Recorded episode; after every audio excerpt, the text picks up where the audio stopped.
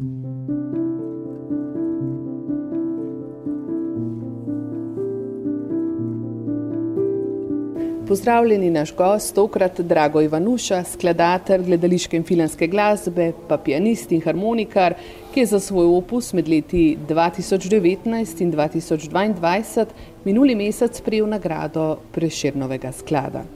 Drago, najprej iskrene čestitke za to nagrado, za to pravzaprav življenjsko delo. Hvala lepa za čestitke in hvala za vabilo uh, za ta pogovor. Muziciranje tvoje poslanstvo za ta podcast sem te lovila skoraj da tri tedne, ker si polno zaposlen, na zadnje z pripravo glasbe, ustvarjanjem za preširnovo gledališče v Kranju, kjer ste imeli pravkar premiero.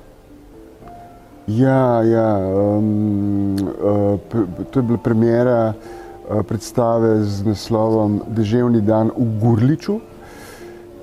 Eh, tekst za predstavo napisal Milan uh, Ramšak Markovič in je tretja premjera v seriji uh, v bistvu. Ponovadi se v, pri našem delu oziroma v gledališču te, te premjere zvrstijo ene za drugo in potem je nekaj časa uh, brezdelje oziroma mir oziroma priprava na kaj novega. Tako da je bilo to zadnje obdobje precej naporno in uh, to je razlog za, za to, da smo se lovili. Sprašujem, med drugim, vem, da je gotovo sezona tudi taka v ustvarjalnih poklicih, kakršen je tvoj, so te ciklusi, ko praviš, je veliko ustvarjanja, pa je potem malo miru, da človek zbere energijo. Ampak ravno preden si prejel nagrado Preširnovega sklada, si zaključil z zdravljenjem in sicer s celično terapijo KRT, ki je bila, kot sem brala, kot si ti dejal, pravzaprav tvoja zadnja možnost pri v novični ponovitvi diseminiranega plazmocitoma? Ja, pri meni je šlo v bistvu za sedmo ponovitev. Torej, zdravila in terapije dostopne v Sloveniji so bile izčrpane. Z mojim zdravnikom, profesorom Zverom, smo v bistvu ugotovili, da kaj pametnega za me ni več preostalo, razen kar te, ki v Sloveniji zaenkrat, če ne deluje, je pa zelo blizu temu, da bo. Ampak žal, jaz nisem imel več časa čakati in sem se prijavil za zdravljenje v Nemčiji in to opravil tam. To je bilo vse skupaj se začelo novembra 2022, je tako prav, Drago? Uh, ja, novembra sem šel um, na oduzem limfocitnih torej celic, ki jih potem uh, preprogramirajo in januarja sem se vrnil in uh, šel čez cel ta pač, uh, proces, to se pravi kemoterapija in vrnitev celic in potem vse, kar gre zraven. Uh mhm. -huh. Preden greva uh, bolj natančno v ta proces, tega, v ta postopek, kar uh, najne poslušalce prav gotovo najbolj zanima, Uh, nas vse skupaj še, še bolj najbolj zanima, kako je z bremenom bolezni, je, je izginil, kaj pravijo zdravniki, je bilo tole zdravljenje uspešno. Ja, zaenkrat, kot kaže, je bilo zdravljenje uspešno. Mislim, trenutno bolezni ni zaznati pri meni, ampak je vse še, še nekaj časa, da se to, da se to dejansko potrdi mogoče še kakšen mesec za počakati, ampak uh, kot se kaže, je zadeva uspela. Uh, kar je značilno za, za, za ta KRT, je visok procent uh, uspešnosti in uh, preživetja, in tako naprej. Tako da, mislim, zdaj je že malo več podatkov, ker sama terapija je relativno nova. In kot kaže, je, so številke zelo dobre. Tudi, tudi če gre za delno uh, uspešnost, je to še zmeraj, seveda, super. Ne? Sploh za nekoga, ki, ki mu je zmanjkalo drugih terapij oziroma zdravil. In za tistega, za katerega je to edina možnost, je seveda hvaležni, zadovoljen, če stvar deluje, pa tudi če samo delno. Jasno. Uh, ja. Drago, smo sredi meseca ali na koncu meseca, mednarodnega meseca o zaveščanju o diseminiranem plazmocitomu, kar je marec. Slovensko združenje bolnikov z limfomom in leukemijo je z drugimi organizacijami bolnikov pravkar premjerno predstavilo film Moj plazmocitom pripravljeni na nove korake, o premjeri katerega so zdravniki opozarjali in seveda bolniki, da bi bilo potrebno te najsodobnejše oblike zdravljenja, pa ne samo kar te, ampak tudi druge opcije, poriniti oziroma spraviti, vključiti v zgodnejše linije zdravljenja, preden ima človek toliko ponovitev bolezni, da bi s tem pa se doseglo še boljše rezultate. Ja, bolj kot strinjati se ne morem, uh, zato ker vsi, ki imamo to izkušnjo za sabo, spoh dolgotrajnejšega zdravljenja, dobro vemo, kako naporne so pač te, te, te razne terapije, zdravila, tudi če so biološka, uh, kako naporne so transplantacije in tako naprej. Uh, absolutno se mi zdi, da v zgodni fazi, da ta napredne zdravljenje v zgodni fazi lahko za pacijente pomenijo uh, seveda lažje življenje in neko perspektivo, kjer telo, sistem ni tako uničen ali pa poškodovan od raznih terapij, uh, kar vse zelo vpliva na, in na potek, in na kakovost življenja in na vse ostalo. Problem teh terapij je pač to, da so zaenkrat precej nedostopne, relativno nedostopne in da so, mislim, nesramno drage. Ne. Uh, na to mislim, je upozoril profesor Zver tudi na te okrogle misije. Ja, ja. Jaz mislim, da, da, da če gledamo skozi neko etič, etično prizmo, ne, bi seveda bilo na mestu, da se, da se to vrstna pomoč, reševanje, uh, to, kar je smisel, pač, smisel medicine, ne, da postane to dostopno za uh, čim širši krok bolnikov. Ne. Kakšen smisel ima to, če je to tako drago, da si to privoščijo samo ljudje z res drugim, tako kot sem si jaz to lahko privoščil, namreč na ta način, da imamo zaenkrat še tako organizirano zdravstvo oziroma uh, zavarovalnico, da da, da tak strošek pokrije. Ne. Če bi bil v Ameriki, mislim, da bi, mal, da bi bila zgodba malce drugačna, ali pa kakšni drugi državi, kjer so stvari drugače urejene. Uh, tako da načrt, ki se že izpolnjuje, da, da v Sloveniji nastane center, kjer se bo ta napredna zdravljenja izvajala, in tudi ambicija profesor Zvera in tudi drugih, da bi tudi sami izdelovali produkte, eh, je seveda prava v tej smeri, da znižuje stroške tega zdravljenja. Ker pomeni, da bodo ti stroški, zaradi tega, ker se bo del produkcije tega izvajal tukaj, nižji in posledično bo terapija dostopnejša za širši krok ljudi. Za več bolnikov. Tako. Tako. Drago, kako je šla ta pot v nekaj korakih, če nam pojasniš? Se pravi, ti si novembra šel na oduzem limfocitov v Nemčijo. Kako si prišel do tega koraka? So to predlagali na kliničnem oddelku za hematologijo? Kaj si moral storiti sam? Kako si uveljavljal stroške pri zavarovalnici? Kdo je ugotovil, da si pravi primer za to vrsto zdravljenja?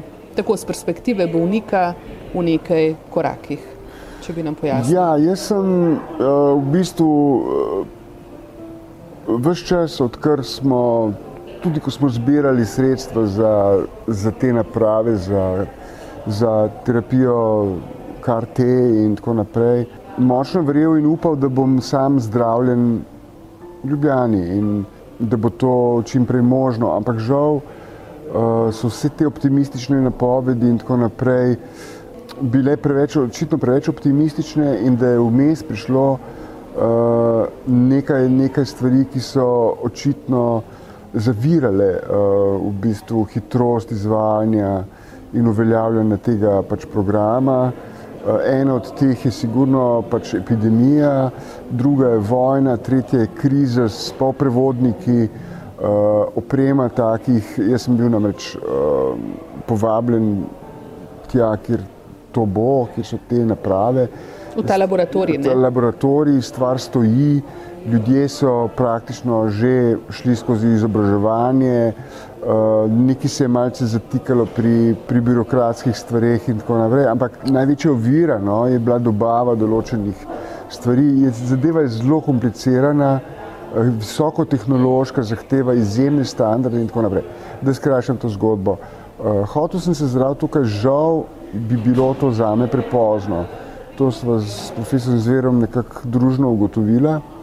In eh, potem sem pristal na nekih klasičnih, uh, klasičnih citostatikih. Ta terapija s citostatiki je pač neka kratkoročna rešitev. In jaz sem v nekem trenutku začel uh, pač razmišljati o tem, da treba nekaj narediti.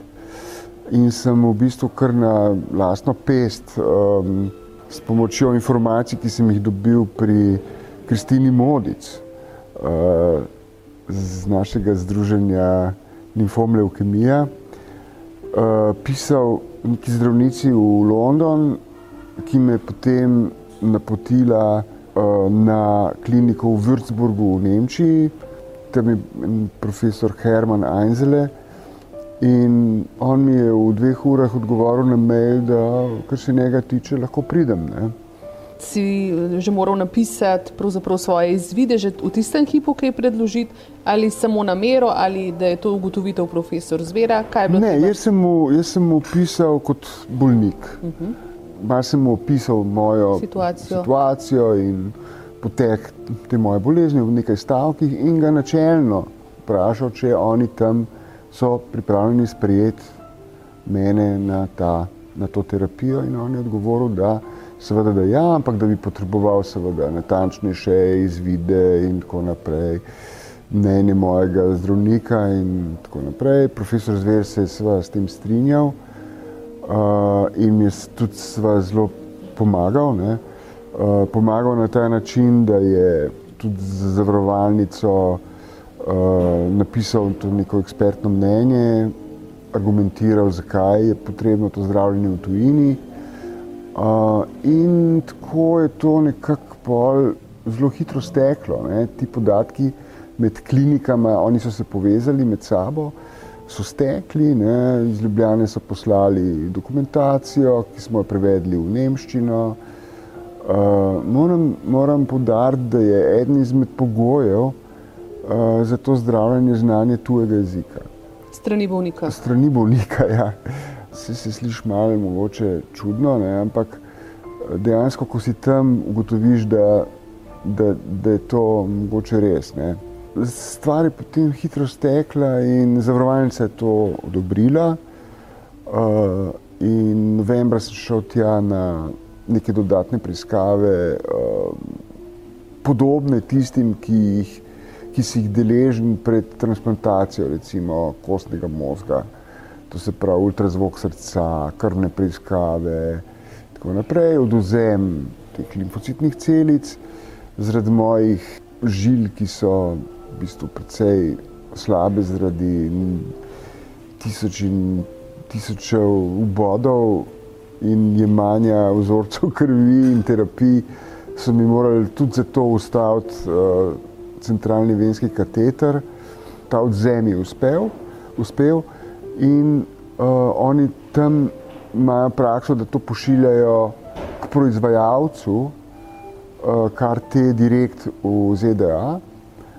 Jaz sem se vrnil v Ljubljano in bil naročen v začetku januarja, da se zglasim, na, oziroma vmes so mi sporočili, da je to uspelo, zbiranje, da, bili, da je bil material v redu, da, da se produkt proizvaja in tako naprej. Mhm.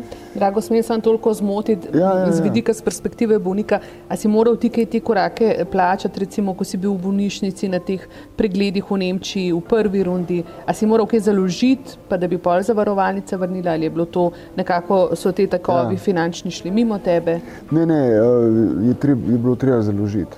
Je bilo treba založiti, ampak moram podariti, da uh, založiti samo v bistvu potne stroške in bivanje eno noč v hotelu, zato ker sem pač bil naročen ob 9. zjutraj na kliniki in sem pač prišel en dan prej, prespal v hotelu in pač zjutraj spočičal tja. Ne.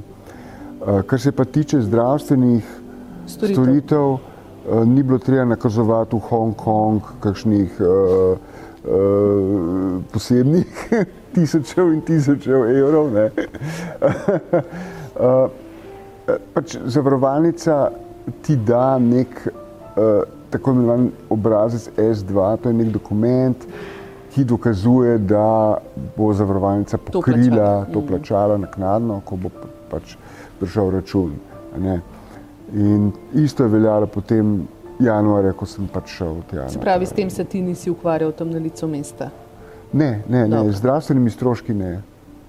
Uh mhm. -huh v redu, potem si odšel domov. Eh, kakšni so bili občutki, kakšno je bilo to pričakovanje, so bila čustva drugačna, kot denimo, ko si se v preteklosti odpravljal na presaditev krvotvornih matičnih celic?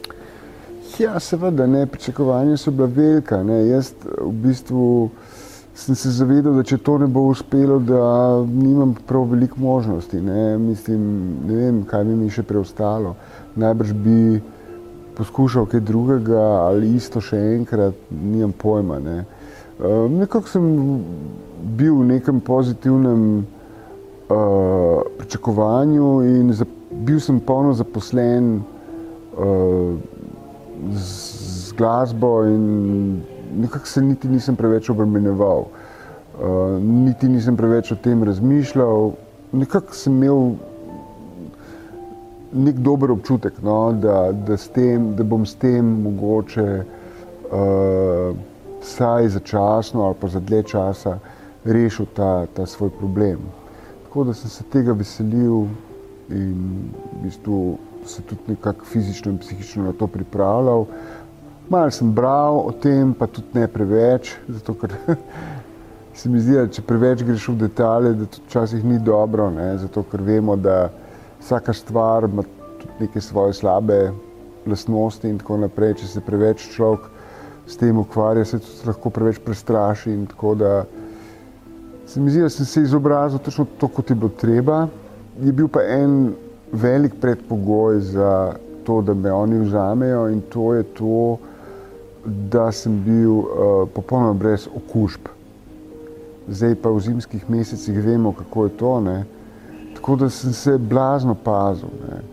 Sploh v gledališču, kjer igravci ponovadi na pol bolani hodijo na vaje, sem strajno nosil masko, uh, razkoževal, umival roke, roke. Uh, tako da sem nekako, mi je nekako uspel no, uh, priti neokužen, ker v nasprotnem primeru te pač ne morejo vzeti. Dobro, in potem je bil januar in si šel. Ja, in potem je bil januar, 2. januarja. Um, s, smo se odpravili na pot uh, z ženo in svakom, smo se odpeljali v Würzburg in sta me tam pustila. In uh, tam je pač, tam je tako hecna bolnica, ki smo pri nas navajeni na to, um, na hematološkem oddelku, sploh zdaj, ki je nov, ne, na neko visoko stopnjo sterilnosti in oranžna cona. In tako naprej. Tam sem prišel tja, je pa vse nekako tako, kar, kar malo po domače, kar malo prestrašen, da se, da se ne bom tam kaj nalezel. Ampak ne vem, nekako se nisem. v glavnem, uh, zelo malo sem, mislim, da naslednji dan že dobil kemoterapijo, ki je blažja, blažja kemoterapija kot pri presaditvi krvotvornih matičnih celic. Um, gre za to, da ta kemoterapija ne uniči kostnega možga, tako kot pri transplantaciji, ampak samo nekako delno uh, deluje tako, da naredi prostor za, za tiste limfocitne celice, ki jih potem dobiš nazaj kot del terapije. Ne.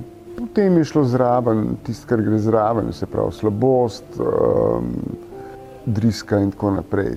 Te stvari, ki, tisti, ki so šli čez to, vejo, kako to gre. Ne. Tam drug, tretji dan, potem težave z apetitom in tako naprej, za stanje vode. In, ampak nič, nič presunljivega. In šesti dan sem dobil te celice, preprogramiranje celice, sem dobil nazaj v veno, ne? oziroma v venski kateter in so me opazovali v bistvu, kaj se bo zdaj zgodilo. Zdaj pa možnosti so sledeče, ne?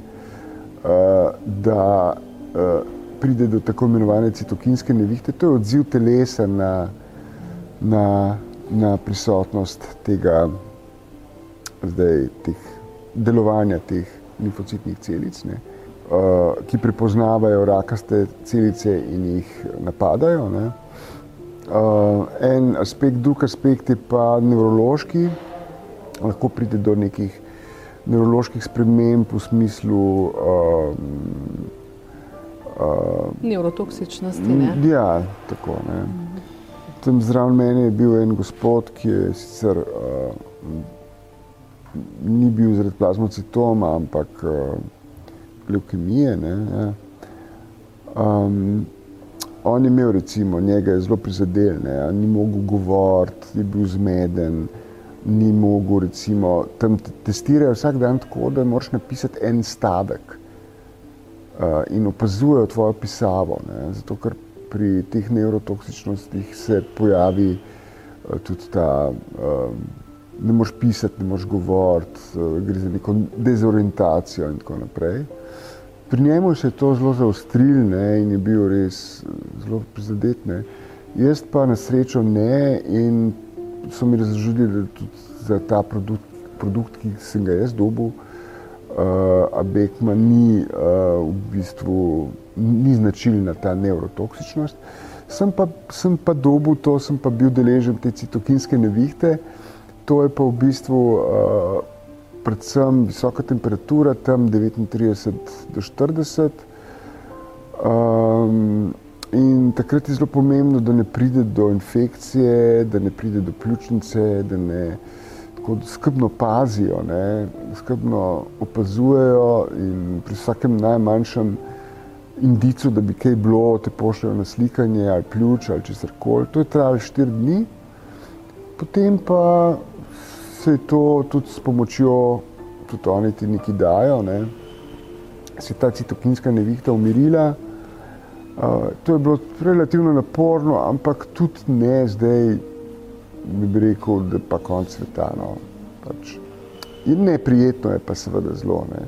No, in takoj, ko se je ta citokinska nevihta sanirala, se je moje počutje spremenilo na boljše v bistvu in sem začel, sem začutil, da, da bo stvar šla na boljši in da bom se počasi postavil na noge in tako naprej. In začel sem hoditi ven, uh, seveda z masko. Mislim na hodnik. Na hodnik Čeprav nisem imel veliko energije, nekako sem začutil, da moram dati telesu impuls, da se aktivira, da, da se ne zaležim, da se tam. Veste, kako je to, to, to ležanje, to, to ni dobro, ne? preveč. Ne? Tako, ko imaš energijo, moraš ostati in se da to pogon. Tako da sem pa tam hodil, tudi par kilometrov. Srečo sem imel, da na enem hodniku uh, je bil tudi en star klavir, ki so ga tja pripeljali, tako kot včasih tisti, ki potujejo, vejo, da je na kakšnem letališču, kdaj je tudi kak klavir, recimo, pa kdaj kdo malo zaigra. Ne. No, tam na enem hodniku je bil en klavir in jaz, sem, ko sem ga odkril, sem začel hoditi po, po podnevih in sem tam igral in so se tam malo zbirali, kakšni ljudje, pa smo se malo pogovarjali in tako naprej. Tako da nekako bi rekel, da je neka, neka življenjska volja in neka aktivacija mi je pomagala v bistvu, da sem se kar zelo k sebi spravil, zelo hitro. No.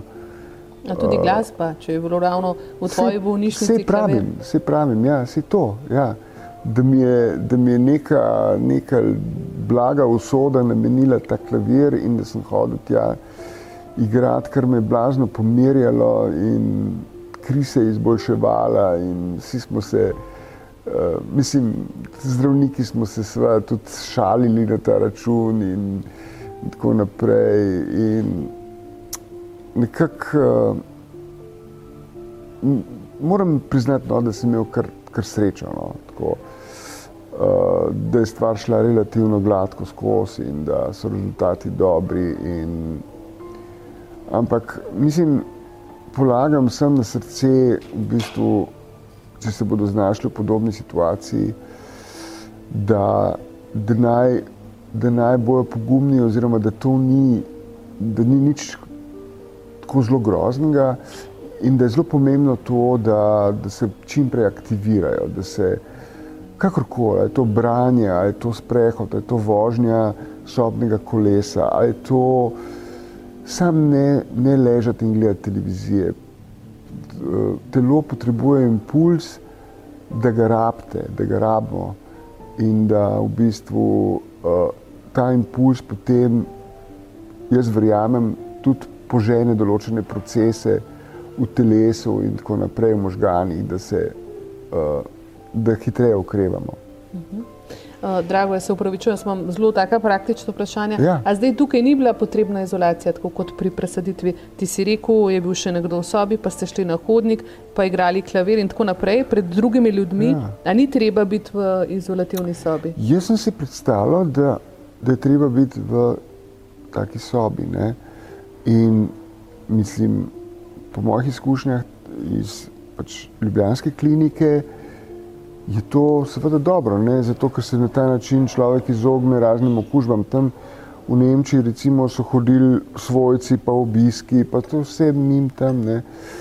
Tako da jaz ne vem, pač oni imajo nek, neko tako prakso, najbrž te okužbe potem zdravijo, ali kako, nimam pojma. Je pa tudi seveda res, ne, da uh, kot sem začutil in videl, je tam ta kultura, da pazijo drug na drugega, tudi zelo visoka.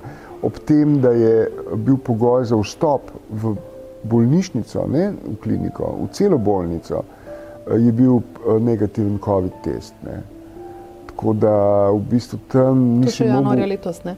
To je bilo januarja, ko pri nas tega ni bilo več. Um, tako da tam so bili zastonj testi, oni delajo dva hitra testa, vedno dva tako da izključijo mogoče možnost napake. Um, tako da sem se jaz potem počutil relativno varno, čeprav je bilo res malo čudno. No. Jaz sem mislil, da, da je to le neka zelo občutljiva stvar. Ampak je dobra stran tega, to, kar sem rekel. No. To, da si, da lahko mal greš ven, se sprehajaš, seveda se moraš pa zaščititi. Uh, z masko in tako naprej. Vsaj to umivati roke. To ne pomeni, da greš ti kar zdaj ven nekam, ne vem, na zabavo. Pač to pomeni, da hodiš, se sprehajaš in tako, ne? kar je malo boljš kot sprehajati se na desetih kvadratih. Recimo, Dobro. Drago, kako zdaj te spremljajo in pravzaprav kje, a Nemci ali naši uh, izljubljene strokovnjaki? Um, velika prednost tega je, je bila ta, tudi moram tle podariti, da je profesor Zver se zelo angažiral in da je on v bistvu bil sposoben in je izvedel to komunikacijo z, z to kliniko v Würzburgu, tako da so zdravniki na tem nivoju v bistvu med sabo komunicirali in se dogovarjali, kaj, kje bo kdo. Sprav, ko sem se jaz vrnil, da mi tukaj uh, pregledujejo kri, kontrolirajo in tako naprej. In si oni potem te informacije izmenjujejo, in tako da me v bistvu monitorirajo trenutno v Ljubljani, z enim očesom pa tudi iz Nemčije, bi rekel tako nekako. Umenil si že, da je v določeni meri zdravstvena obravnava v Nemčiji, saj da je stavba nekoliko drugačna kot pri nas. Kaj pa zdravniki, pa medicinske sestre, kakšna je primerjava recimo s slovenskimi? Je kaj drugače ali je v resnici pravzaprav isto? Moram priznati, da sem, ko sem odhajal, to je bila moja prva izkušnja nekega zdravljenja, zdaj recimo v tujini, ne, da sem tudi sam mal, kot doskrat slovenci, ne, pademo v ta nek stereotipno razmišljanje, da je v Nemčiji, to je pa sigurno neki wow, ne, in da to oni so tako in tako, ne vem kaj. Ne. Moram priznati, da, da, da je slovensko, zdaj ko primerjam, ne, da je slovensko zdravstvo, da so slovenske usluge zdravstvene in odnos, zdaj govorim lahko res bolj ali manj za hematološko kliniko, Ljubljani na izjemno visokem nivoju. Ne. Če jaz to primerjam z Nemčijo, uh, ki jo radi idealiziramo, ne, bi rekel, da v velik aspektih je recimo Ljubljanska klinika na zame na višjem nivoju. Ne. In kar se tiče zaščite, recimo to, kar sem že omenjal, um, tega nekega zaščite pred okužbami in tako naprej. Um, izjemno so prijazni Nemci, uh, zdravniki so zelo dostopni, uh, nenehno hodijo okoli, tako da jih srečaš, jih sprašuješ, uh, zelo so naklonjeni. Ne? Ampak uh, ne bi pa mogel reči, da, so, da, recimo, da je osebi bolj prijazno. Mislim, da, tle, da so tle pri nas uh, popolnoma na enakem nivoju. Jaz bi rekel, da so pri nas mogoče, da je pri nas, se bo slišalo mogoče absurdno, ampak da je tehnološko mogoče pri nas uh, bolj ta klinika boljš opremljena ne, kot ta, v kateri sem bil. Zdaj govorim za kliniko v Würzburgu, ne, kaj jaz vem, mogoče pa kje druge, pa spet drugačne. Um, tam je malo tako, no, bi rekel, po domače. No. Uh, tako ne malo krat se zgodi, da na kakšnem vozičku sred hodnika najdeš kar tam eno kri, ki leži, malo pa ene celke, pa nič ne pospravijo za sabo. Uh, tako pri nas se mi zdi, da to sploh ni možno. Ne. Pri nas je ta na hematološki kliniki, bi rekel, en tak sistem, en red, kamor priješ kot pacijent in se počutiš zaradi tega tudi zelo varno. Ne. Zato, ker imaš občutek, da je vse stvar nekega protokola, sistema, da ni nič pripuščeno samovolji posameznika ali pa na ključja. Odlično. Se pa jaz spomnim, ne, kaj zdaj eni imajo in drugi ne. Naši imajo sobna kolesa za prostočasno ja. dejavnost ja. in predvsem krepitev psihofizično, ja. tam pa glasbo, je pa klavir. Dobro, ampak dr. Zver je že uh, razumel sporočilo, ne, ki sem mu ga poslal iz Nemčije, fotografijo tega klavirja in je napisal, aha, razumem, kaj hočeš reči. Um, druga stvar, ki sem hotel še omeniti, je, da, so pri nas televizori v sobah. Tudi tam so televizori v sobah, ampak moš plačati za to, da jih gledaš. Ne? In sicer mislim, da neki 2-3 evre na dan, ampak vse moš plačati. Ne? Eh, druga stvar, za boljši internet, internet moš tudi doplačati. Recimo v, v nemških bolnišnicah ne dobiš pižame, moš imeti svojo pižamo. V nemških bolnišnicah ni brisač, moš prenesti svoje brisače. In tako, uh, a vidiš, ne? Zanimiv, ne? Zanimiv, ne, kako pri nas vsako jutro dobiš svežo, svežo pižamo, sveže brisače. Pa najbolj prekuhano, da je vse sterilno. Mislim. Sveže ti ja. preoblečejo posteljo in tako naprej, ne. Um, tako, ne, hrana je bila obupna. Ne. Recimo še to, ne, pri nas imaš dietetičarko, ne, ki pride recimo in ko nimaš apetita zaradi kemoterapije, z njo najdeš mogoče neko hrano, ki bi vse lahko zaužil uh, in to na dnevni bazi, se pravi, delaš nek. Uh, tam pride ne dietetičar, ampak neka, pač, neka oseba, ne, ki ni specialistka, specialist. In ti da možnost treh jedi, ena je pač vegetarijanska, dve sta pa, mislim, tam ni, bi rekel, te možnosti, da se ti zmišljuješ, kaj bi ti bilo všeč, da bi ti lahko jedel. Ne, Tudi to je razlika.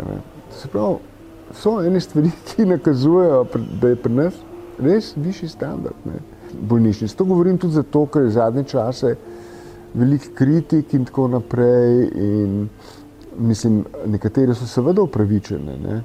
Ampak uh, moramo se mi pa vsem zavedati, da to je naše javno zdravstvo, je še zmeraj na določenem nivoju, In predvsem je pomembno, da ta nivo ohranimo ali ga pa še povišamo. Ne. In naredimo dostopnega, da bo javno in in vsem dostopno. Ne? Ja, nujno, nujno. Ne.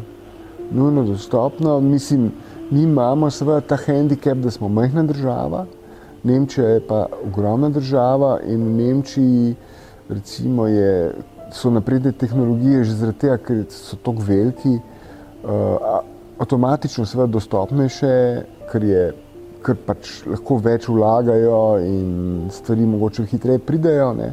Ampak sej tudi pri nas se bo zdaj, zdaj začel to izvajati in uh, mislim, da kar se tega tiče, je prihodnost uh, svetla. Ne.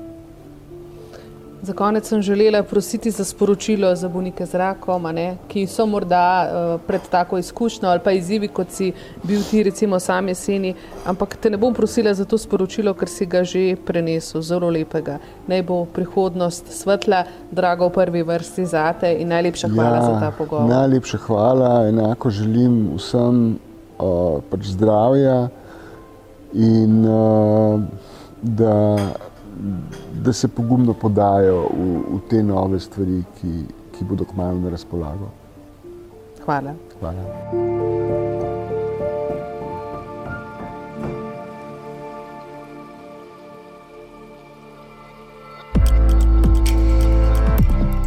V našo družbo vabljeni spet čez 14 dni. Naslišanje.